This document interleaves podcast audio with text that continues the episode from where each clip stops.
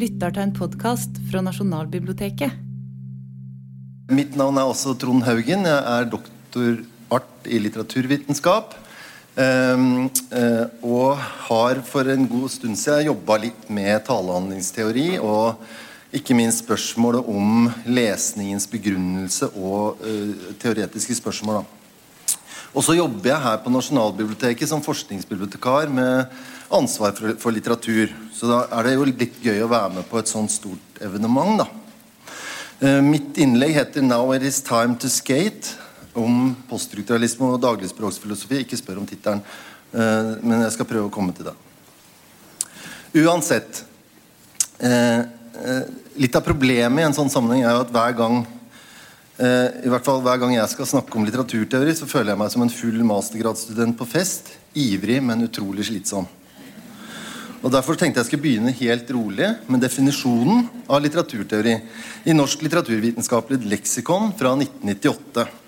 Der står det nemlig at litteraturteori er en betegnelse for drøfting av prinsipielle problemer som gjelder litterære tekster, litteraturens sjangermessige kjennetegn, ulike forståelsesmåter av litteratur osv.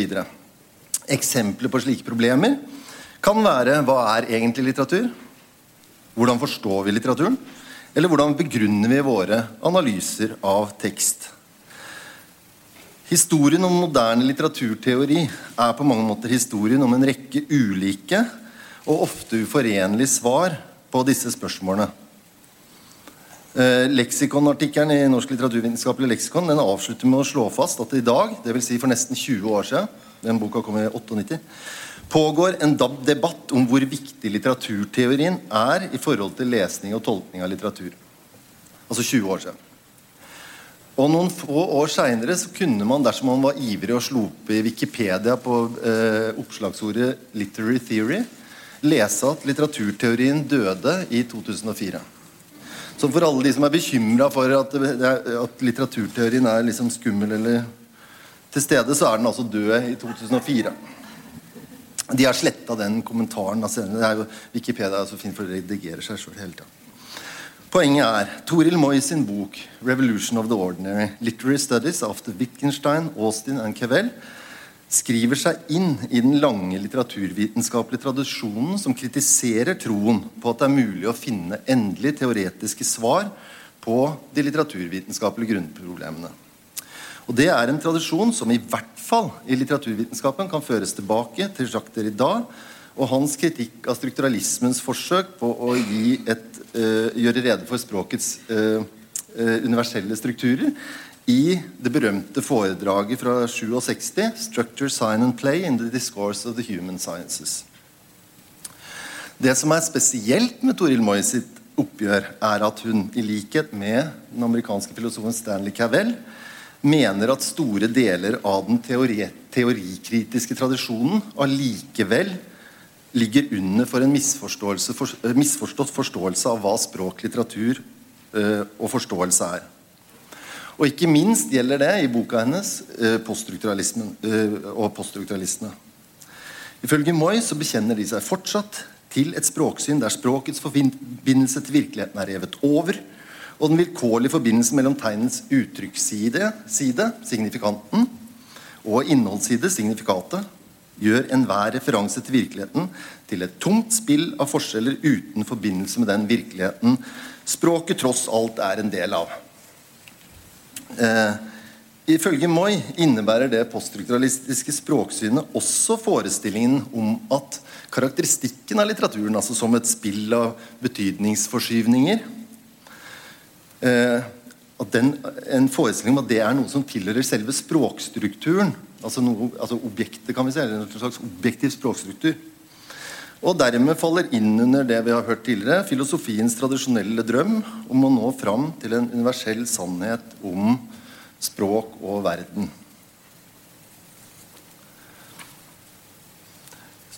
Og det, de her, den her gjengen som uh, Toril Moi uh, analyserer og utlegger i Revolution of the Ordinary, de, da, de kaller jeg da heretter The Bad Guys of Literary Theory. For i motsetning til The Bad Guys så har da Toril Moy The Good Guys. Og de kommer fra den tradisjonen vi kjenner som Ordinary Language Philosophy, eller dagligspråksfilosofi. Eh, dagligspråksfilosofien er som vi allerede har hørt, en språkfilosofisk tradisjon som strekker seg tilbake til Ludvig Wittgensteins språkfilosofi, slik den ble formulert i Filosofiske undersøkelser, som kom posthumt.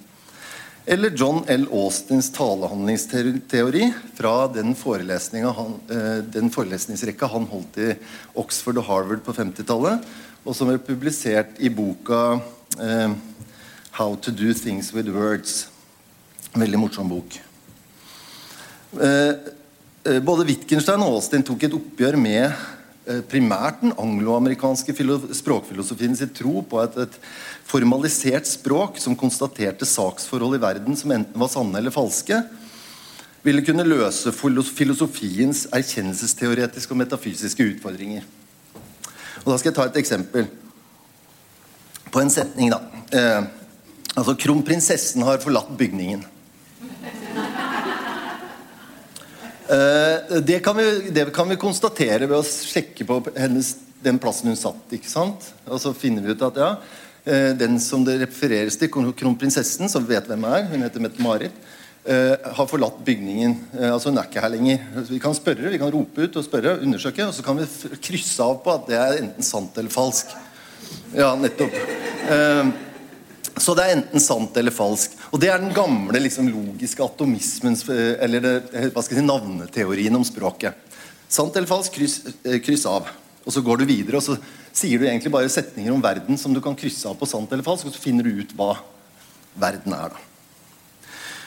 Og så er det det at I filosofiske undersøkelser så argumenterte Wittgenstein for at et ords betydning er heller dets anvendelse i språket, ikke dets sannhetsverdi i referanse til virkeligheten. Så sant og falsk er ikke så nøye. Uh, meaning is use blir ofte brukt som slagord for Wittgenstein sin pragmatiske posisjon. Og I How to do things with words så foreleste uh, Austin nettopp over forskjellen mellom konstative ytringer, altså ytringer som konstaterer et faktum,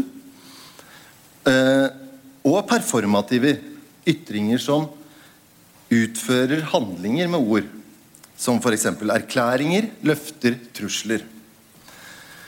I løpet av forelesningen antydet Austin også at konstative ytringer kan forstås som en form for språkhandlinger. altså At det ikke er noen klar forskjell mellom performativer og konstativer. altså Setninger som påstår noe om virkeligheten, og setninger som gjør noe med virkeligheten.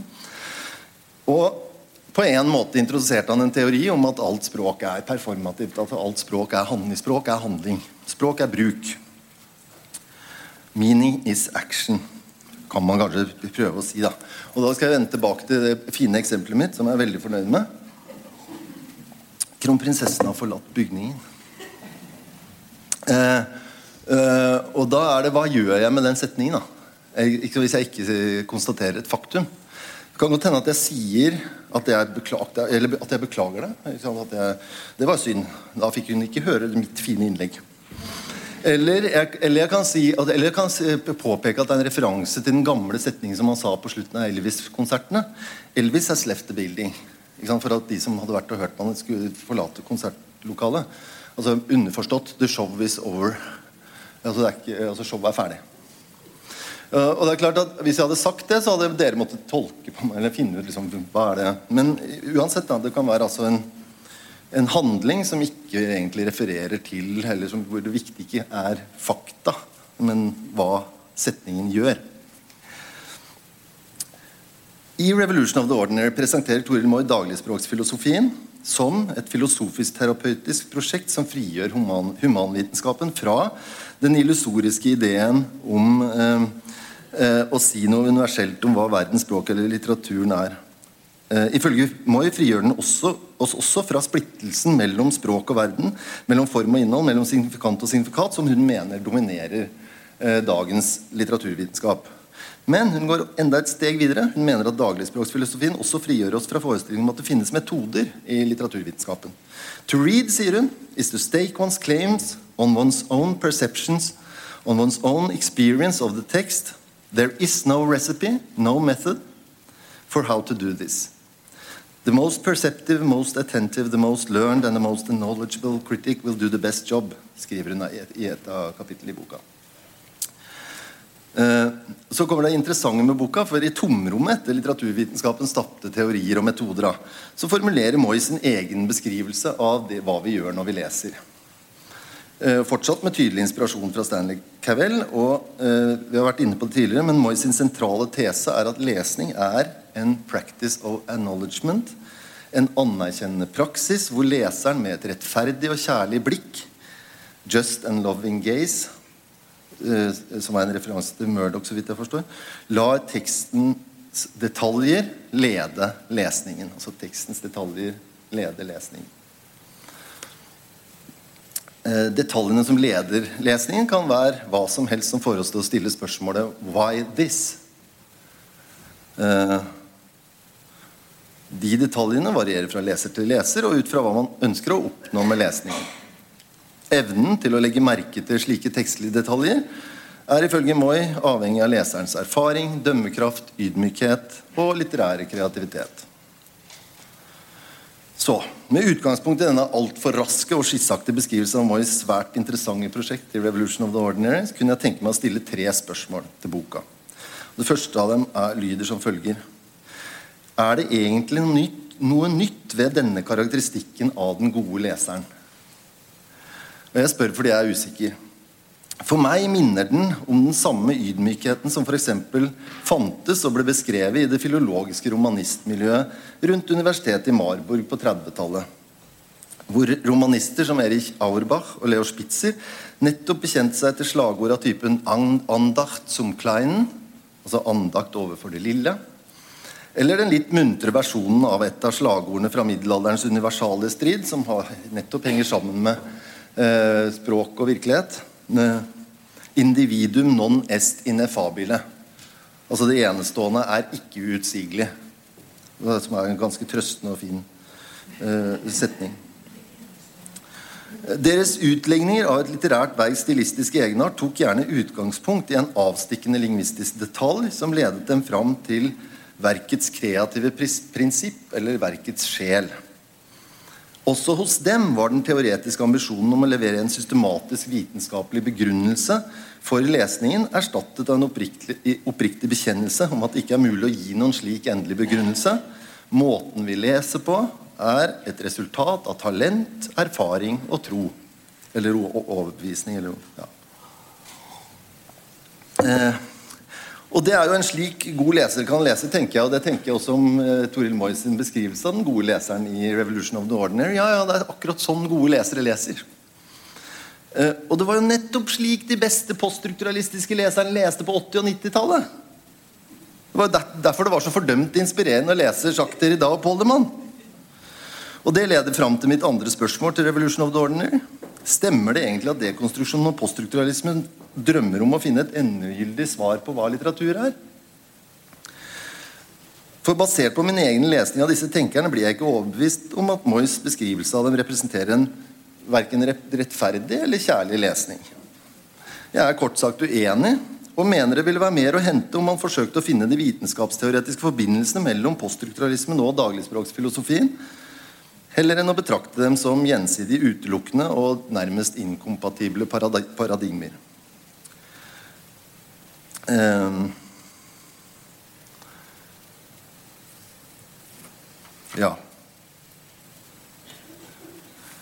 Og det er klart at eh, Derrida sine kontraintuitive begreper eller vanskelige begreper om differanse eller iterabilitet det, altså det er jo vanskelig å sette seg inn i, og de tekstene er veldig vriene å forholde seg til. Men samtidig så framstår de i hvert fall for meg som et forsøk på å sette ord på den grunnleggende forskyvningen i språket som gjør at noe enestående, for at det skal kunne beskrives som enestående, også må kunne gjentas. Dvs. Si en leser må kunne si hva det enestående er.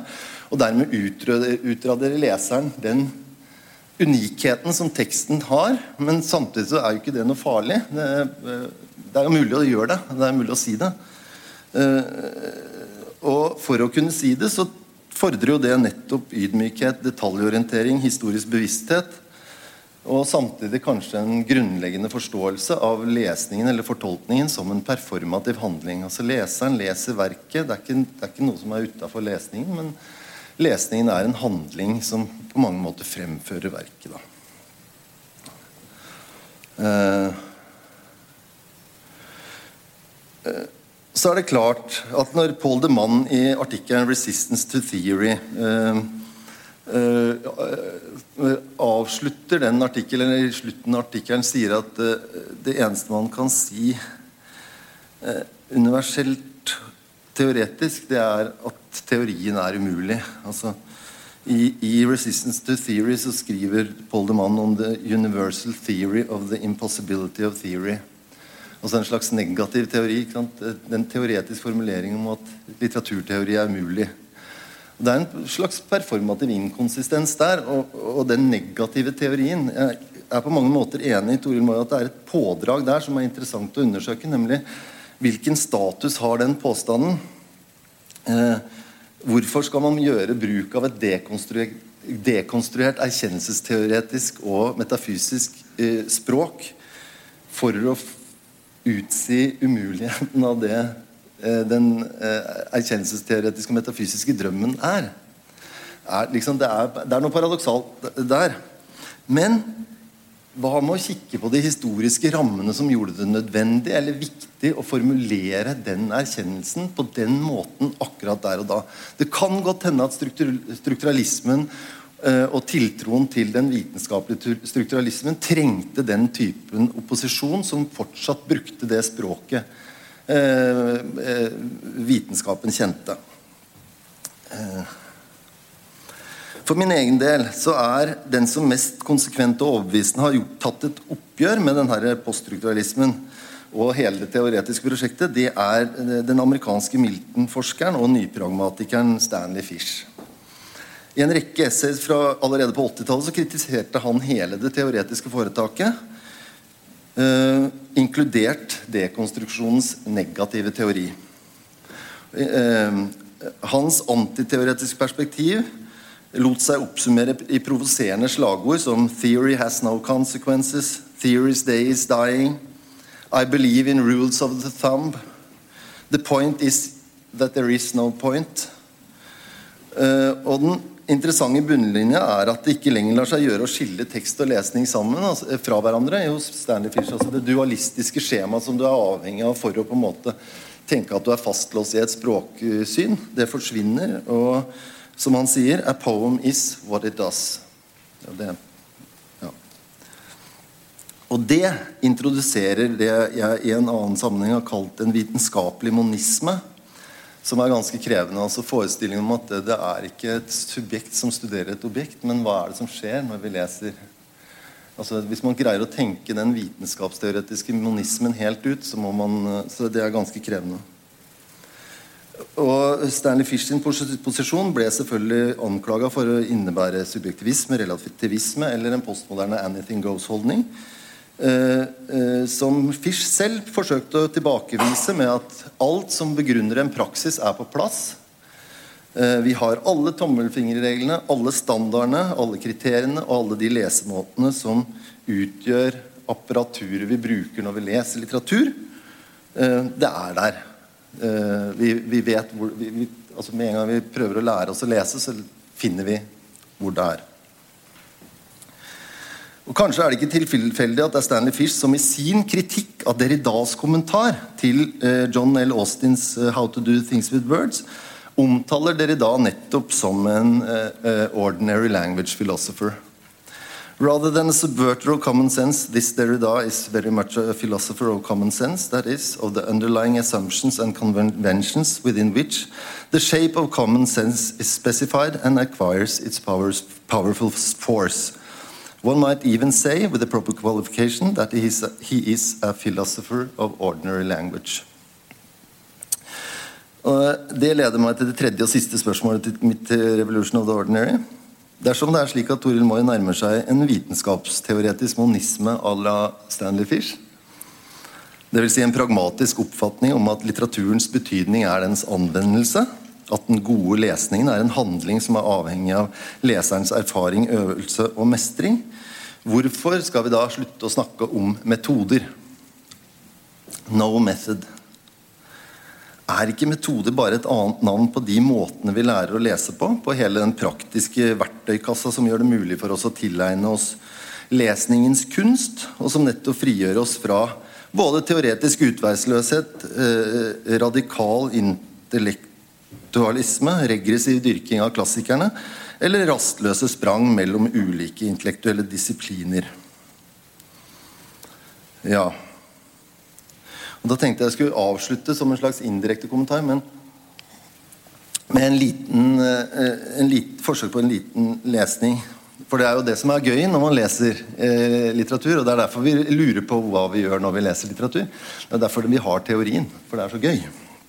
Eh, og det her er da altså eh, eh min lille adhoc-lesning av en av de mange paragrafene Toril Moy kommenterer fra Wittgensteins filosofiske undersøkelser, paragraf 107, som tar for seg motsetningen mellom filosofiens fordring til logisk krystallklarhet på den ene sida og det hverdagslige språket slik vi bruker det til daglig på den andre sida. Og passasjen lyder da som følger. Eh, jo nøyere vi undersøker det faktiske språket, desto sterkere blir motsetningsforholdet mellom det og det vi krever, altså log logisk klarhet. Parentes, Logikkens krystallrenhet var jo ikke noe resultat av undersøkelsen min, den var et krav. Motsetningsforholdet blir uholdbart, kravet truer med å bli noe tomt. Vi er kommet ut på glattisen, der det ikke er noen gnidningsmotstand. Der betingelsene altså i en forst viss forstand er ideelle, men der vi nettopp he derfor heller ikke kan bevege oss. Vi vil, vi vil, bevege oss. Da trenger vi gnidningsmotstanden. Tilbake til den grove bakken. Dette er et veldig godt eksempel på Wittgensteins skrivemåte og hele hans uh, filosofi. og uh, altså Poenget er at kravet til logisk klarhet i det filosofiske språket fører til at vi mister kontakt med dagligspråket. Vi havner på glattisen. altså Vi er der ute som Anniken Greve snakka om. Vi, hvor språket bare Filosofien gjør oss syke. Og når vi havner på glattisen, sier Wittgenstein, da vil vi tilbake til den faste bakken.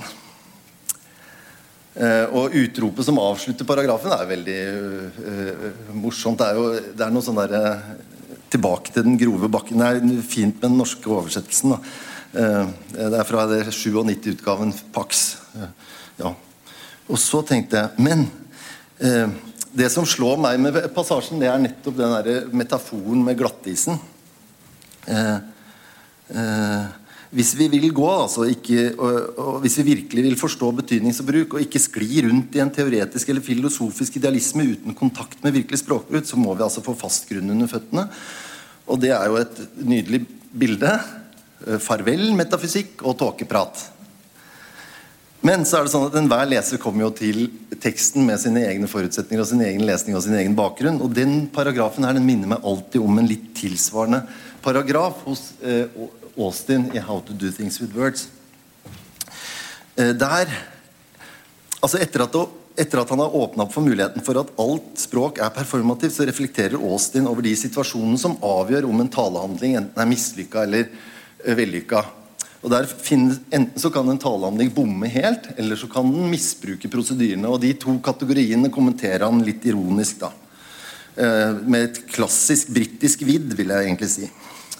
So then We may seem to have armed ourselves with two shiny new concepts with which to crack the crib of reality, or as it may, of confusion. Two new keys in our hands, and of course, simultaneously, two new skids under our feet.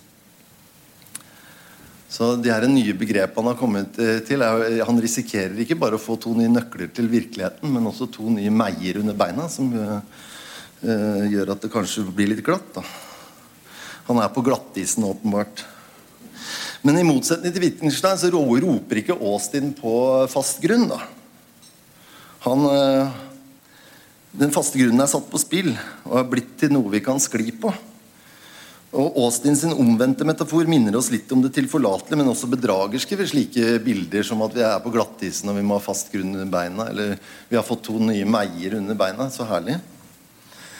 Og Det er egentlig det som ga tittelen til mitt eget innlegg, som også er tittelen på ei låt av et norsk rockeband som heter Motorpsycho, nemlig 'Now It Is Time To Skate'. Eh, for jeg mener da at den som befinner seg For, eh, ja, ja, for den som befinner seg på eh, glattisen, har nemlig et alternativ til enten å lete etter fast grunn under føttene eller å skli rundt i metafysikken.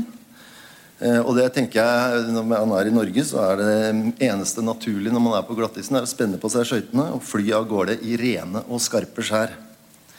Det er også en måte å lese på, og en måte som svarer til Austin sin oppfordring i 'How to do things with birds'. We must learn to fly before we can walk. Og da hører dere hvor teit den tittelen var. Takk for meg!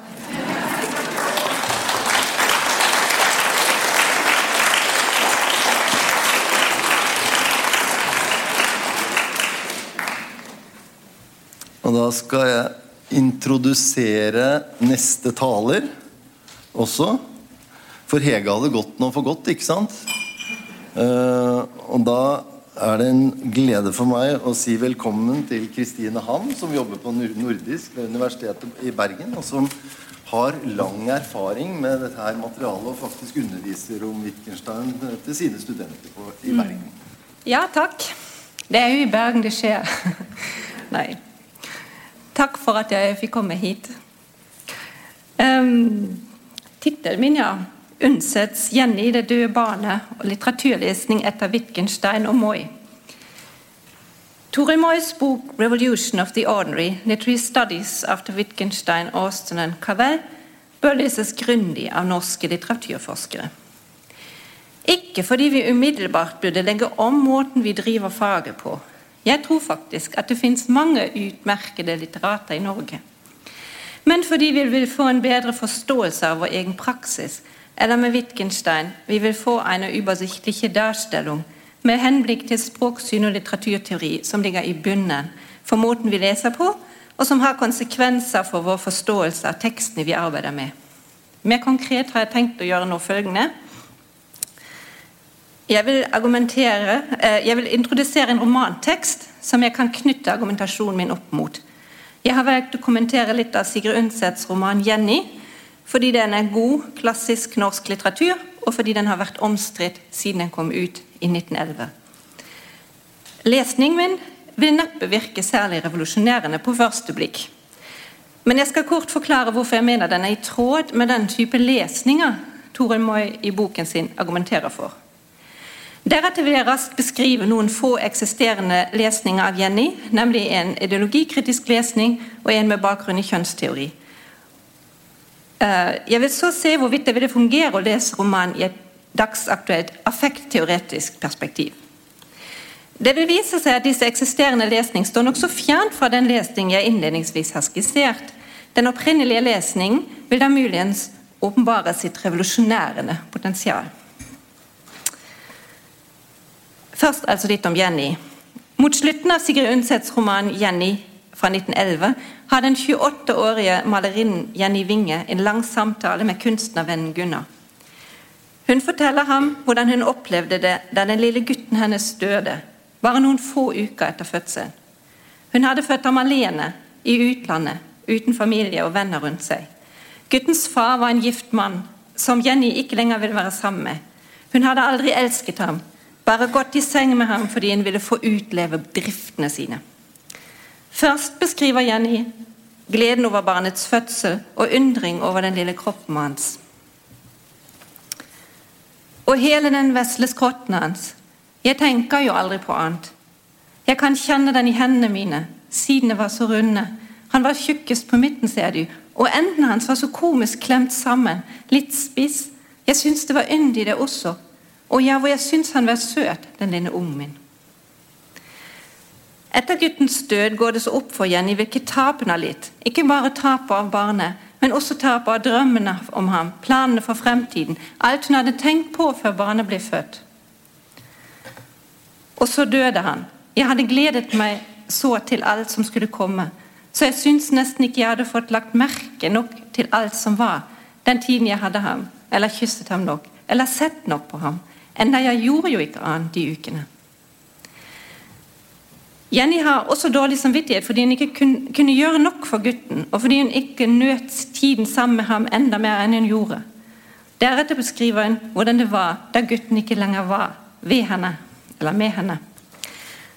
Og så var det bare savnet igjen. Du kan ikke forstå hvordan det kjentes. Det var som om hele min kropp verket etter ham. Jeg fikk betennelse i brystet, og smerten og feberen kjentes som bare savnet slo ut. Jeg savnet ham i armene og mellom hendene og mot kinnet. Her ser det ut som at Jenny blir overmannet av følelsene sine. Språket er i ferd med å kollapse litt. Hun tenderer til oppramsinger og ufullstendige setninger. Hun gjentar ord, fraser og syntaktiske konstruksjoner, som om hun ikke har kontroll lenger. Men likevel forstår leseren hvordan Jenny opplevde det å miste gutten. Det var som et inngrep i hennes egen kropp. Tapet føltes som et stort sår. Undset beskriver altså en mor som ikke får lov til å være mor lenger. Jeg mener at leseren ikke har noen problemer med å forstå Jennys følelser, til tross for at Jenny selv er skeptisk til muligheten av å kunne gjøre seg forstått. Hun hevder eksplisitt overfor Gunnar du kan ikke forstå hvordan det kjentes. Jeg tror ikke at denne bare en frase hun bruker. Hun er virkelig overbevist om at Gunnar ikke kan forstå hennes smerte. Men den fortvilelsen over den manglende muligheten til forståelse er jo ikke språkets skyld. Den skyldes efter nærmere ettersyns Jennys ensomhet og forlatthet. Jenny viser seg å være langt nede i en depresjon. I livet, livet har mistet mening for henne. Som leseren på det tidspunktet har fått med seg, hadde Jenny håpet å endelig kunne være noe for andre, mer for andre enn for seg, seg selv. Hun ville slippe å måtte se på seg selv som en egosentrisk kunstner. Moderskapet skulle bli redning for henne, men etter å ha blitt voldtatt av barnets halvbror, sin tidligere forlovede Helge, tar hun kort tid etter samtalen med Gunnar sitt liv. Det kan se ut som om det er den endelige krenkelsen av kvinnekroppen som leder til denne beslutning. Men hvorfor anstrenger Jenny seg å formidle erfaringen av tapet på barnet til Gunnar, selv om hun er overbevist at han ikke kan forstå henne? Det skyldes nok mindre et ønske om at andre, Gunnar, skal kunne forstå hva hun har gjennomgått. Samtalen skal vel tjene til at hun selv blir klar over erfaring, hva, uh, den erfaring hun har gjort. Å føre en samtale betyr i hvilket som helst tilfelle å benytte det språket som forbinder oss med andre, men også med verden. Det aktiverer felleskriterier som muliggjør det for oss å relatere oss til gjenstandene og menneskene rundt oss. Den dagligdagse språkbruken impliserer bruk av kriterier for vurdering av våre omgivelser. At vi kan skille hva som teller, fra det som ikke teller. At vi kan vite hva tingene rundt oss er, og hva de er for oss. Når Jenny setter ord på sin erfaring, identifiserer hun følelsene sine og hva de betyr for henne. Jennys behov å formidle sin erfaring, til tross for at hun tviler på å bli forstått av Gunnar, og altså også kunne forstå seg selv, finner med andre ord en forklaring i Wittgensteins syn på språk. Det språksynet legger Toril Moi etter mitt syn fram på en utmerket måte i det første kapittelet i boken sin, 'Five Red Apples'. Som en tydeliggjør det med sin utlegging av handlesinn, som er beskrevet i paragraf 1 i Filosofisk undersøkelse, går en av Wittgensteins hovedtanker ut på at vi ikke kan skille ords betydning fra bruken av dem i språket. For det vil ikke nytte for eksempel, å forklare en person som skal handle fem røde epler i en butikk, hva ordet 'fem' eller 'rød' betyr. Altså Med unntak at vi har å gjøre med en person som eh, skal handle på et fremmedspråk. Men en person må jo vite mye annet om verden. Hva det vil si å henvende seg til noen, det å slå opp noe, hilse på noen osv. Poenget er at betydning av ord ikke kan skilles fra sammenheng de inngår i, fra situasjoner der de kan bli anvendt en fornuftig måte. Det har vi jo hørt i dag tidligere også. Um, ja. Det er neppe tilfeldig at vi som barn lærer språk og verden å kjenne samtidig. Vi kan bare leve i verden i og med språket samtidig. Vi kan ikke gjøre det ene uten det andre. Og Tore skriver To learn Language is to learn how we use words and sentences, and to learn that is to learn practices, um, the life, language games that go with them, and to be initiated into the relevant forms of life. Det betyr også at vi f.eks. For må forestille oss situasjoner der begrepet 'mor' kan gi mening, dersom vi ønsker å finne ut hva ordet 'mor' betyr. Unnsett gir oss eksempler på situasjoner som lar oss bli kjent med slike aspekter, ulike aspekter ved moderskap, bl.a. kvinnekroppens reaksjoner på barnets død. Samtidig med at Jenny selv vil finne ut av sin erfaring, blir altså også leseren invitert til å bli kjent med den og utvikle forståelse av den. Leseren lærer noe nytt i forhold til nybakte mødres følelser og deres fortvilelse når barna dør. Leseren utvider altså, for å formulere det med Wittgenstein, en forståelse for moderskapets grammatikk. For at det kan skje, er leseren imidlertid nødt til å sette seg inn i Jennys situasjon, se på hennes utfordringer som reelle problemstillinger, og imøtekomme teksten slik vil da kunne kalles for å anerkjenne den. Leseren lytter til Jennys ord, konsentrerer seg om Jennys setninger og ytringer i en situasjon, reagerer på den. Moi omtaler jo en slik lesemåte, som vi var inne på tidligere, som 'reading as a practice of acknowledgement'. Men hvordan har vi da i denne lesning som jeg nå har skissert opp, gått fram? Var den spesielt bemerkelsesverdig? Var den ikke litt for tett mot teksten, eller basert for, på for mye innlevelse? Jeg mener at vi har lest Jenny slik må jeg foreslå i boken sin. Vi har fulgt teksten sti og tatt den inn over oss. Vi har forsøkt å forstå hva Jenny er opptatt av, nemlig å finne ut hva det betydde for henne som nybakt mor å miste det lille guttebarnet sitt. Vi har sett dette i sammenheng med hennes tidligere tanke om det å være mor, altså fulgt begrep, eh, moderskapsbegrepet gjennom romanen. På lignende måte foreslo Toril at det å lese i Stanley Cavells ånd kan foregå. Vi kan faktisk, og det syns jeg var veldig overraskende å lese i boken, vi kan faktisk lese et litterært verk som vi leser en teoritekst. Dvs. Si, vi forsøker å gripe den overordnede ideen finne ut om de sentrale begrepene. Vi ser hvordan de utfordrer seg gjennom teksten vi leser. Men er dette virkelig en ny måte å lese på? Det blir synlig, synes jeg, når vi kontrasterer denne måten å lese på med tradisjonell litteraturlesning. Der utarbeider vi nemlig ikke begrep under tekstlesning, men overtar dem snarere fra andre felt, som psykoanalyse, marxisme eller affektteori. Vi lar altså ikke teksten selv opplyse oss om den sentrale begrep. Dette mener jeg blir tydelig ved et blikk på eksisterende lesning av Undsets Jenny. Først og fremst har kritikere og forskere irritert seg over denne romanen. De fleste har vært enige i at teksten er god litteratur. Det er en kraft i det språklige uttrykk, en egen sanselighet i beskrivelsen som stort sett alle straks registrerer og verdsetter. Men ulempen er jo at Jenny ikke er et godt feministisk forbilde. Hun gir blaffen i sin status som vellykket kunstner og lengter etter å kunne bli elskerinne og mor. Og hvorfor må hun gå til grunne etter at barnet dør? Hvorfor beskriver Undset slik at barnets død tapper henne for livskraft? Hvorfor er det så avgjørende for hennes liv at hun mister denne ungen? Feminister har med andre ord ment at Undset vektla moderskap i altfor stor grad.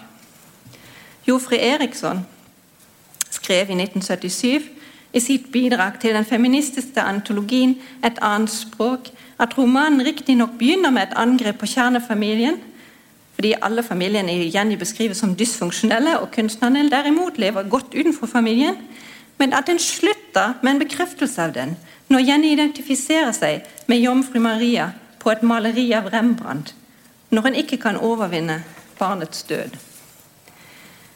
Det er tydelig at Eriksson leser romanen ideologikritisk når han avslører de etter hennes mening farlige reaksjonære tendensene i Undsets roman. Jennys anstrengelser med å finne ut om situasjonen sin som kvinne blir ignorert, og romanen kritisk underkastet et distansert forskerblikk. Begrepet moderskap utvikles ikke fra romanen, men hentes inn fra et annet område, kvinnebevegelsens politiske og feministiske frigjøringsdiskurs. Erikssons lesning er samtidig representativ for andre i perioden. Man ville ikke forstå Undsets situasjon som forfatter og prøve å få tak i prosjektet hennes. Det er altså etter min mening å vise at kvinner har en sterk seksualitet, noe som betyr at de kan bli mødre. Samtidig finnes det altså andre måter å være mor på. Men ok, Feministene på 70- og 80-tallet mente altså at Undsets romaner fremmet feil ideologi det vil si at de formidler patriarkalsk tankegods. Senere, i 2008, publiserte Unni Langås en artikkel om Jenny og Ebba Haslunds 'Det hendte ingenting'. Som hun skriver innledningsvis, med en indirekte referanse til Judith Butler, fins det sitat, i de senere åras teoriutvikling en tendens til å synliggjøre dynamikken og kompleksiteten i konstruksjonen av kjønn og seksualitet, og å framheve og undersøke deres normative, produktive og performative aspekter. Langås fokuserer så på det hun anser en forestilling om urenhet i Undsets roman, som kan knyttes til det lesbiske kontinuum, et begrep hun bruker for å møte romanen med, for øvrig med referanse til Adrian Rich.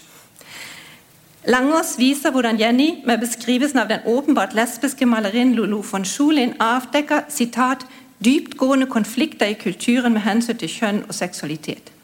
Imidlertid, og det er det påfallende, innrømmer Langås at beskrivelsen av homoseksualitet neppe er Undsets hovedprosjekt, og at fremvisning av den ikke hører til sitat, romanens intenderte meningsfelt. Til tross for at Undset selv ikke er interessert i å utforske en forståelse av homoseksualitet, mener Langås altså at romanen kan bidra til å vise fram underliggende kjønnskonstruksjoner i tråd med aktuell kjønnsteori. Her har med andre ord teorien fått styre fokuset i lesning, og det er uttalt over hodet av Jenny og Undset. Kjønn er i tråd med Butler sosialt konstruert, og det er altså diskursene de bl.a. språklige handlingene som skriver det fram som sentralt element i vår tilværelse. Å avsløre de språklige mekanismene for det var, og er langt på vei fortsatt, et sentralt fokusområde for dagens feminister. Den språklige diskursen er dermed løsrevet fra det talende subjektet. Ja, det anses jo som konstruert først gjennom språket. I tråd med det Moi påpeker i sin bok, forblir altså feministiske lesninger derfor forankret i et poststrukturalistisk språksyn. Det ble i sin tid utviklet som en videreføring av Saussures teori om språk. Språket framstår som et system løsrevet fra bruken. Det talende subjektet har ingen plass i det. Men la oss returnere en siste gang til Jennys forsøk å formidle sin erfaring til Gunnar Heggen. Forsøket kan altså, slik jeg mener, bringes i overstemmelse med Wittgenstein. Han mener at et menneske bare kan forstå følelsene sine ved hjelp av et språk som det deler med andre. Men forsøket på å forstå følelsene sine og finne ut hva følelser hun har hatt, og, hun, og hvordan hun ble styrt av dem, vil i lys av den nyeste type feministisk teori, nemlig affektteori, fortone seg som fullstendig håpløst for affektteoretikere mener jo at intense følelser må sies som nettopp utenfor språket. De oppstår før all begrepsliggjøring. Affekter tilhører et atskilt erfaringsområde som både finnes før og under språket og bevissthet. De er fullstendig kroppslige og autonom. Affect is a wild card in the layered game of thinking, skriver William Connolly i Neuropolitics. Med andre ord Tidligere har feminister hatt en forkjærlighet for teorier som opererer med et poststrukturalistisk syn på språk, og som anser subjektet å stå utenfor språket. Ja, subjektet er diskursivt skapt, en effekt av språket. Alt var feministene på en eller annen måte språk, og virkeligheten forsvant fra synsfeltet. Nå derimot retter man fokuset mot den ekstreme motpolen, nemlig alt det som ligger før språket, utenfor, det som man ikke kan få tak i, virkeligheten. Affektteorien, som også tingteorien eller dyrestudier, utgjør her typiske eksempler for det jeg vil kalle melodramatiske svar på den samme utfordring. Forståelsen av at det talende subjekt ikke har innflytelse på språkbruken. At det ikke kan gjøre språklige kriterier til sine. At verden, og til dels den egne kroppen, er absolutt utilgjengelig for det. Problemet for meg er at f.eks. affektteori egentlig beskriver slik, bekrefter slik det dualistiske synet på kropp og sjel som den jo vil til livs. Det har også Linda Cirilli tydeliggjort ja, det var det andre sitatet her, i en artikkel om nettopp affektteori. For affect theorists, affect and cognition are two entirely different systems. But does this not rely on an entirely false picture of the mind body relation, one that turns out to be parasitic on the very dualist account that it would undercut? Ville det ikke være greiere å undersøke og forstå sammenheng mellom språk og affektene enn å se dem fullstendig atskilt? For meg er litteratur som Undsets egnet til å finne ut om nettopp en slik sammenheng. Hun vektlegger som viser kroppen, det sanselige, seksualitet og driftene når hun skildrer kvinneskikkelsene sine og deres situasjon. Hun viser også stadig på nytt kvinners forsøk på å forstå livene sine, hvilken rolle deres kroppslige reaksjoner spiller, hvordan de påvirker deres valg og deres vurderinger. På mange måter er det vel litteraturen vi må gå til dersom vi vil lære noe nytt om moderskap, kvinnekroppen, spedbarns død. Toril Moys bok åpner for at vi kan gjøre det. Vi kan gå til litteraturen for å finne ut hvordan livene våre ser ut. Boken åpner for slike lesninger, ikke ved selv å gi oss slike lesninger, men den muliggjør at vi anerkjenner litteraturen og forfatterne.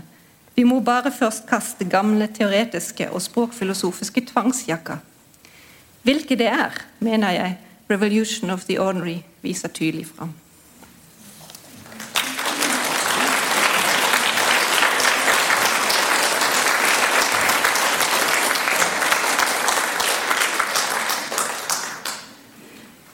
Tusen takk for en inspirerende lesning, Kristine Ham.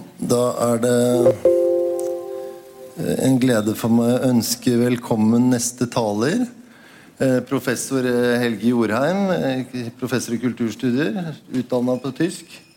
Han har ikke minst utgitt et par bøker som er sentrale i denne sammenhengen. 'Lesningens vitenskap', som kom for en del år siden, og sammen med Tore Rem 'Hva skal vi med humaniora?', som var en rapport eh, som kom i 2014. Så da ønsker jeg deg velkommen, Helge. Så kan du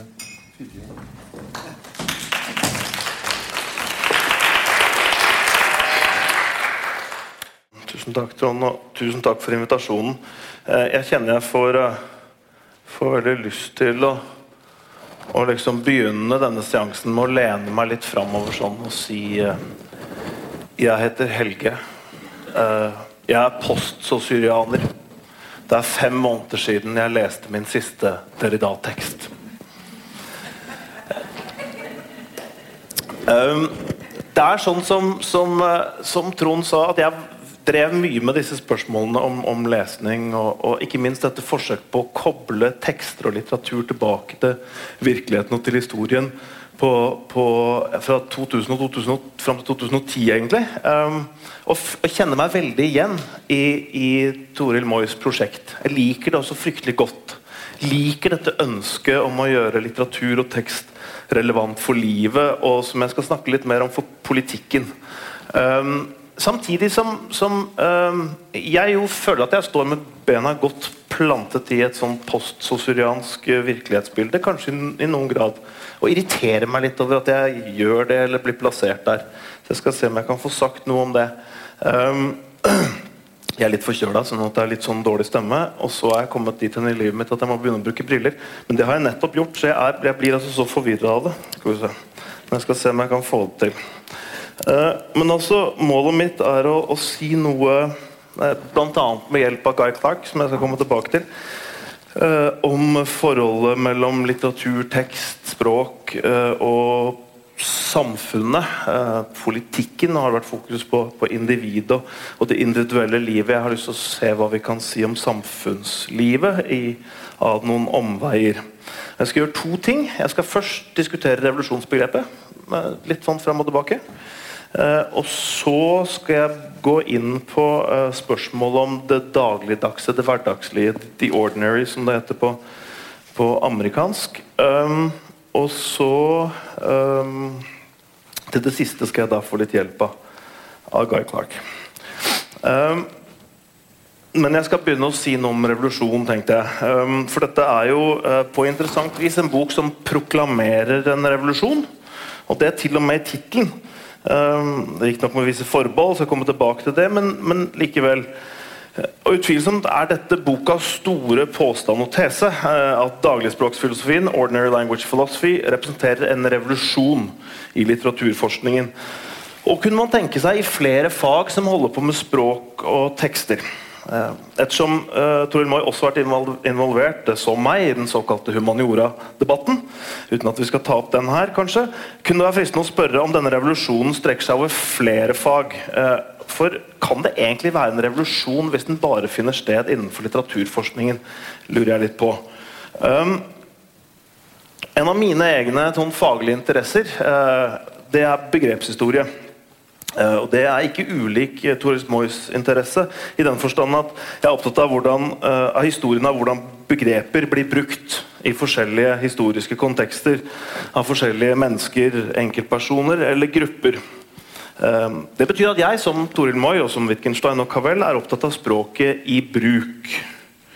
Men fordi jeg er opptatt av begreper som har bestått over lengre tid, som har vedvart, som har en viss varighet, er jeg også opptatt av mening eller betydning, eh, og hvordan betydninger endrer seg. Noen endrer seg, mens andre vedvarer.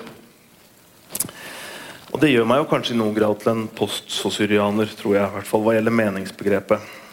Uh, og revolusjonsbegrepet er det som skal interessere meg uh, litt her. Um, nå skal det sies at Jeg er ikke sånn egentlig fryktelig opptatt av, av mening som sådan. Jeg kan gjerne, like gjerne snakke om bruksmåter. Um, men det som kanskje skiller meg mest fra posisjonen i denne boka, er at jeg er interessert i hvordan slike meninger eller bruksmåter går fra å være individuelle til å bli delt av flere, til å bli kollektive, til å bli politiske i en eller annen forstand. Så jeg er opptatt av eksempler på, på bruk av språk i offentligheten. De språk vi bruker i fellesskap for å, for å, de, for å liksom for, forvalte de offentlige ting. Res, res publica. Og jeg mener på ingen måte at litteraturen ikke tilhører denne, denne uh, typen tekst som gjør akkurat det. Um, men altså revolusjonsbegrepet. Uh, 'Revolution of the Ordinary' heter boka. Um, så Da er det fristende å spørre når og hvordan vet man at noe er en revolusjon? Hvem er det som først kaller noe for en revolusjon? Og hvorfor? Og hvilke forutsetninger og konsekvenser har det å kalle noe for en revolusjon? Som denne boken jo gjør. Og det, Et av de mest interessante eksemplene jeg vet om, og, og, vi lærer jo av Wittgenstein og av Toril Moy at vi skal tenke med eksempler snarere enn med begreper. Det skal jeg da også prøve å gjøre. Eh, det er den såkalte arabiske våren, som interessant nok heter akkurat det. Ikke den arabiske revolusjonen, men den arabiske våren. Jeg bare minner dere om hvordan dette var. Og uh, Jeg vet at dette ikke har med litteratur direkte å gjøre, men jeg tror det har det likevel. Eh, I januar og februar 2011 så samlet altså titusenvis av mennesker seg på Tahrir-plassen i Kairo for å protestere mot president Hosni Mubarak og hans regjering. Det ble etter hvert klart at de ikke kom til å forlate plassen før Mubarak gikk av. Flere og flere kom til, og det ble etter hvert også tydelig at politi og militære i økende grad var på folkets side. Men når ble dette en revolusjon? Om i det hele tatt? Eller kanskje riktigere å spørre, når begynte noen å kalle dette for en revolusjon. Og ikke bare demonstrasjoner, opprør, uro, folkeansamling eller lignende. Det nøyaktige svaret er kanskje ikke det mest interessante her, men jeg kan avsløre at i de globale mediene lå Al Jazeera langt foran BBC og CNN. En annen som var tidlig ute, var interessant nok Mubaraks egen pressetalsmann. Poenget er først og fremst at det betyr noe hvem som kaller en endring for en revolusjon, og når det skjer. How can anyone miss a revolution? Spør Toril Moi i innledningskapitlet, med henvisning til Jacques Derrida, som ifølge henne og følgesvennen Stanley Kveld gjorde nettopp det. Gikk glipp av revolusjonen mens den pågikk. I utgangspunktet skriver jo ikke Moi om en revolusjon som vi ville kalle, eller gi merkelappen politisk, sånn som den som foregikk på Tahrir-plassen. I hvert fall ikke helt umiddelbart. Jeg skal argumentere litt for at vi kanskje skal gjøre det allikevel. Men hun presiserer at det dreier seg om en, det hun kaller en, en revolution in philosophy, eller en revolution in theory. In theory er kanskje litt rart, ettersom så vidt jeg skjønner, så skal dagligspråksfilosofien i noen grad bety slutten på teorien. The end of theory as we know it, i hvert fall. Uh, men det er antagelig noe jeg ikke helt skjønner der, tror jeg. Uh, selve revolusjonsbegrepet henter Toril Moi fra Austin og Kveld. Uh, og det har igjen en hel del felles med revolusjonsbegrepet vi finner i Thomas Kohns berømte bok 'The Structure of Scientific Revolutions'. Hvorved Toril Moi skynder seg å legge til at hun ikke dermed påstår at Kohns teori om vitenskapelige revolusjoner gir en god beskrivelse av humanvitenskapenes historiske utvikling ut, utvikling. I'm just saying that it fits in this case, skriver Hvorfor det, mon tro? Det kunne være interessant å høre hvorfor den passer her, og ikke i andre sammenhenger. Uansett har vi altså tilsynelatende med et vitenskapelig, humanvitenskapelig og ikke politisk revolusjonsbegrep å gjøre. Revolusjon, skriver Kohn via Moi, beskriver en situasjon og det er veldig flott, synes jeg, når en vitenskapelig lov som synes innlysende for én gruppe forskere, ikke engang kan demonstreres eller forklares for en annen. Veldig fin test, syns jeg.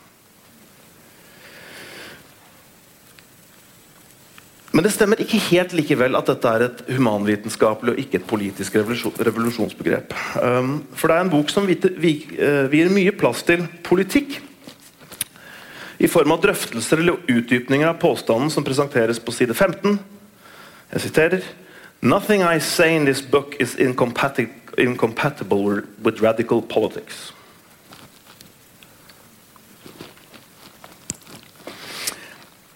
Et helt kapittel i boka er jo også da viet den politiske kritikken mot dagligspråksfilosofien fra Ernst Gellner og Herbert Marcuse, og hvorfor de tar feil når de skriver at en tenkning som forplikter seg på the ordinary, det vanlige og det hverdagslige, med nødvendighet svikter sitt kritiske oppdrag. Selv om jeg er enig i det meste som står her, forekommer kapittelet meg litt snodig ettersom verken nasjonalismeteoretikeren Gelner eller 68-ideologen Marcose er blant de tenkere som har tålt tidens tann best. Gelner og Marcoses mulighet til å diskreditere dagligspråksfilosofien som konservativ og reaksjonær virker sånn sett ganske begrensa. Og hvis de egentlig er stråmenn for andre, som jeg ikke helt kan identifisere, så skulle jeg ønske Tor Moi hadde kunnet diskutere med dem i stedet. For poengene her er viktige og sterke. Ikke minst kritikken av den innkrøkte språkføringen i deler av post, den postsosrianske, eller som vi kjenner den bedre, poststrukturalistiske tradisjonen, som nettopp i kraft av å være innkrøkt påstår å være politisk. Det er en veldig solid kritikk. Om ikke Gelner og Marcuse er uh, stråmenn, er de kanskje eksempler i Wittgensteins forstand, som kan brukes til å tenke, tenke med som kan brukes til å tenke med innenfor det spesifikke språkspillet eller den livsformen som heter på godt amerikansk literary theory, critical theory eller bare criticism. Sliter litt med stemmen nå. Hvis det er noen som har et lite drops, så kan de få lov til å komme opp meg mens jeg snakker videre. Um, men akkurat her, i det Toril Moy skriver om den såkalte Bad Writing Contest, lansert i tidsskriftet Philosophy and Literature mellom 1995 og 1998, for å henge ut de verste stilistene på teorifeltet, skjer det noe veldig interessant i teksten, som har med revolusjonsbegrepet å gjøre. Moy forteller The debate placed me in a position I've come to know quite, quite well. Å, oh, tusen takk. Det var veldig snilt. Hmm.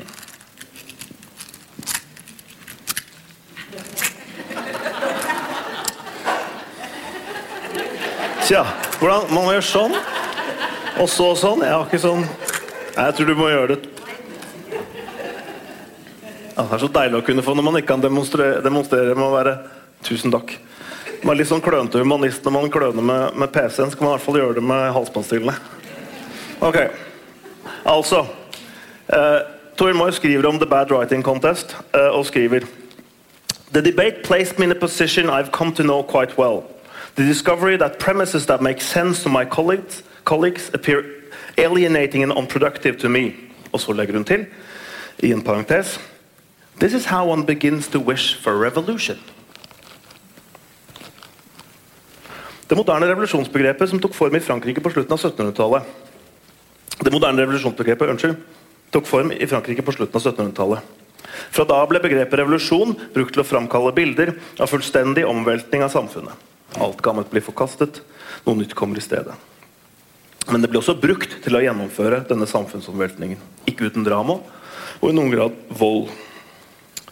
Moderne revolusjoner kommer derfor alltid med en avantgarde. Et sett av profeter og foreløpere som innevarsler det som skal komme, og samtidig bidrar til at det faktisk inntreffer. Dagligspråksfilosofiens avantgarde er utvilsomt Wittgenstein og Austin, hvis sentrale verk utkom på 1950-tallet, og senere Stanley Kveld og et par andre.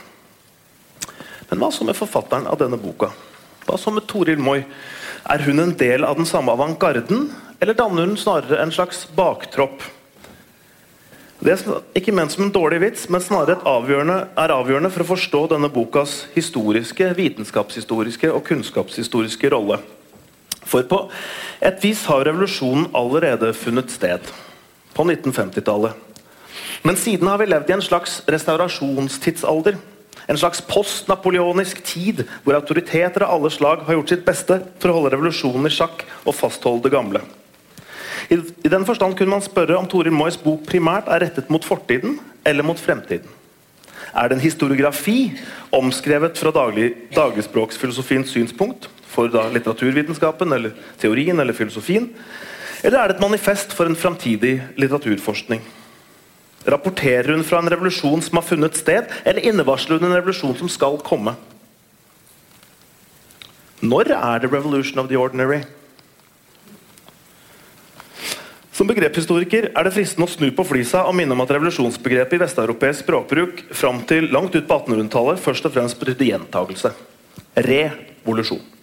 Sirkulære bevegelser, sykler av ofte, ofte, oftest naturlige fenomener som gjentok seg en gang i året eller en gang i døgnet, og hang sammen med stjernenes og planetenes bevegelser. Som i Copernicus, de revolutionibus orbus celestium, om himmellegenes revolusjoner. Altså om deres sirkulære bevegelser med et litt avsvekket, nesten litt sånn førmoderne revolusjonsbegrep som understreker det ordinære ved revolusjoner, sånn som det heter i tittelen til foredraget mitt, innenfor human- og samfunnsvitenskapene, så kunne man jo tenke seg eller så kunne man jo påpeke det faktum at vi stort sett når vi snakker om revolusjoner, kaller dem for turns. Vendinger. Og vi har mange av dem. The linguistic turn, som jo er tema i noen grad i denne boka. The pragmatic, the cultural, the contextual, the effective, the iconic, the material, the performative og alle andre turns. Å proklamere turns er absolutt noe dagligdags og hverdagslig i det språkspillet som vi kaller humaniora, human- og samfunnsvitenskaper, critical theory etc. Å proklamere en revolusjon, derimot, er en helt annen type handling. En helt annen type talehandling. Og man vil og akkurat hva slags handling det er i denne boka, hva som er dens fortider og fremtider, er jeg ikke helt sikker på. Men jeg er sikker på at det er mye stoff for diskusjon der til etterpå.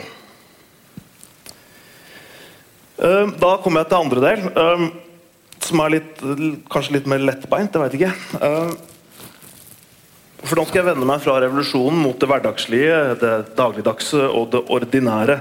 Og Det er altså her jeg planlegger å få hjelp av Guy Clark. For dere som ikke kjenner han, så er han en amerikansk eh, countrysanger og gitarist. Som døde i 2016 av lymfekreft. Blant hans mest kjente sanger som dere vil ha hørt, er LA Freeway og Desperados Waiting for a Train, um, som jo ble en superhit med The Highway Men. Eh, poenget her er ikke å plassere Guy Clark inn i amerikansk countryhistorie, som jeg ikke vet sånn fryktelig mye om men snarere å si noe om hvordan han hjalp meg å forstå dagligspråksfilosofien og Toril Moys bok. Og Inspirasjonen her er selvfølgelig eh, Toril Moys egen Stanley Cavell, som jo har skrevet noen av sine aller flotteste tekster om nettopp populærkulturen. I hans tilfelle om, om Hollywood-film, men i mitt tilfelle altså om country.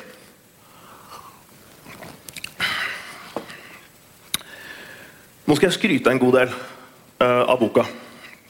For noe av det aller det jeg liker liksom aller, aller best ved den, er måten den er skrevet på.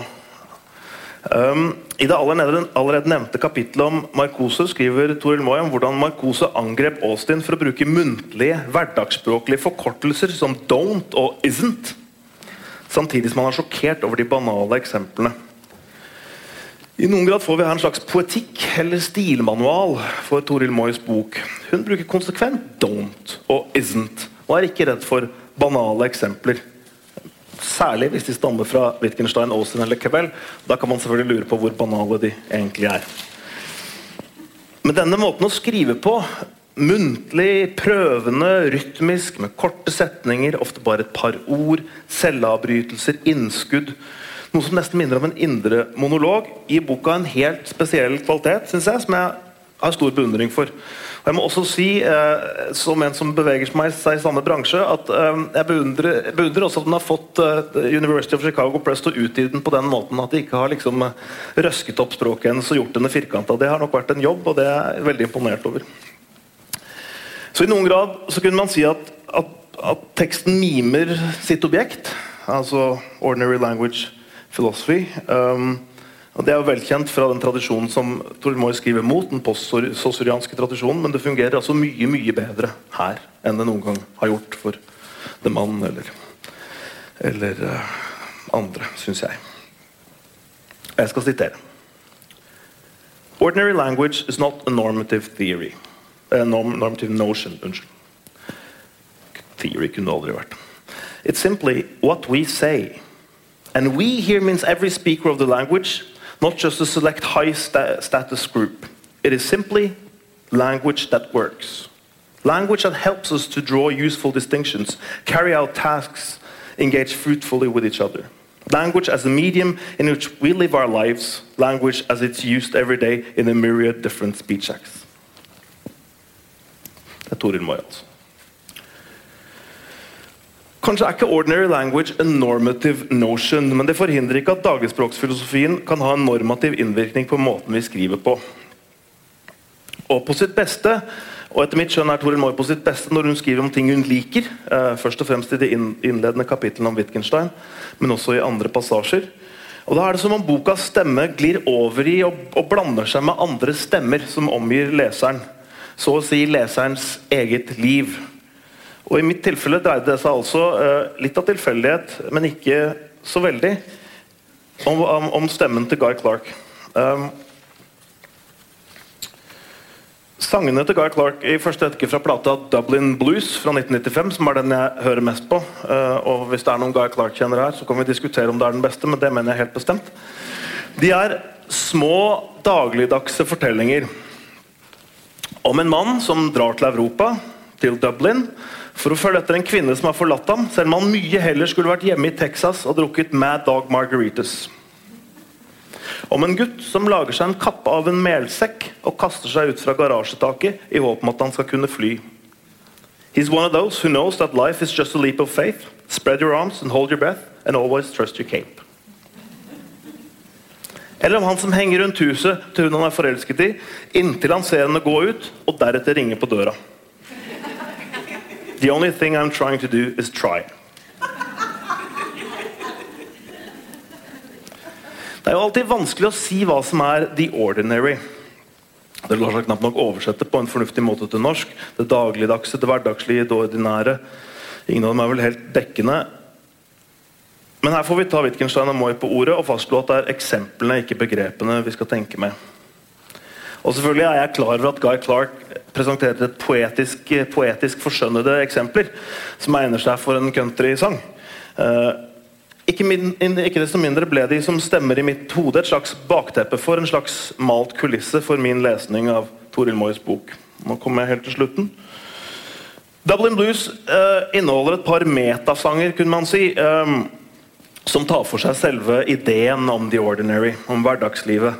Um, og som gir en, hvorav en av dem, eh, som jeg skal spille for dere etter hvert, uh, gir en nærmest perfekt illustrasjon av Wittgensteins språksfilosofi. Unnskyld alle dere som kan Wittgenstein godt, det er helt sikkert helt feil, men, men jeg mener uh, Dere får ta det, som, ta det fra meg, og ikke som Wittgenstein. Og Toril Moys lesning av den. Ordinary language, siterte jeg henne overfor, er language that works. Å forstå hvordan språk fungerer, ikke hvordan det ikke fungerer. Hvordan det kommuniserer til tross for endeløse vanskeligheter med mening og referanse, mer eller mindre reelle, bla, bla, bla. Det synes å være utfordringen dagligspråksfilosofien og uh, Toril Moi formulerer for oss. Eller, som det heter hos Guy Clark Stuff that works. Stuff that holds up. The kind of stuff you don't hang on the wall. Det er selvfølgelig kritikken av representasjonsteorien og tanken om det tegnet som er delt i to. Som om du kunne henge tegnet på veggen. Stuff that's real. Stuff you feel. Dette er ting som har med livet og virkeligheten å gjøre. The kind of stuff you reach for when you fall. Jeg vet ikke om jeg vil kalle det en revolusjon, men det er iallfall veldig fint å ta med seg. Um, og nå skal dere få høre da en liten smakebit av Guy Clarks uh, 'Stuff That Works'. Så får du prøve å følge med på teksten. Den er helt usedvanlig fin.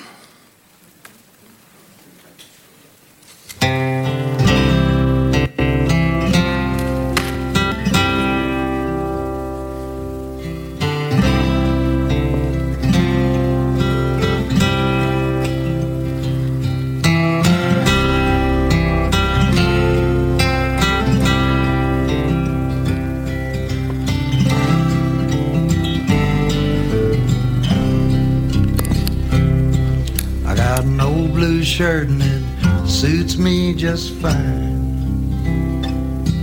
I like the way it feels, so I wear it all the time. I got no guitar, won't ever stay in tune. I like the way it sounds in a dark and empty room. I got an old pair of boots and they fit just right. Well, I can work all day, and I can dance all night. I got an old used car and it runs just like a top. I get the feeling it ain't ever gonna stop. Stuff that works, stuff that holds up. The kind of stuff you don't hang on the wall. Stuff that's real stuff you feel, the kind of stuff you reach for when you fall.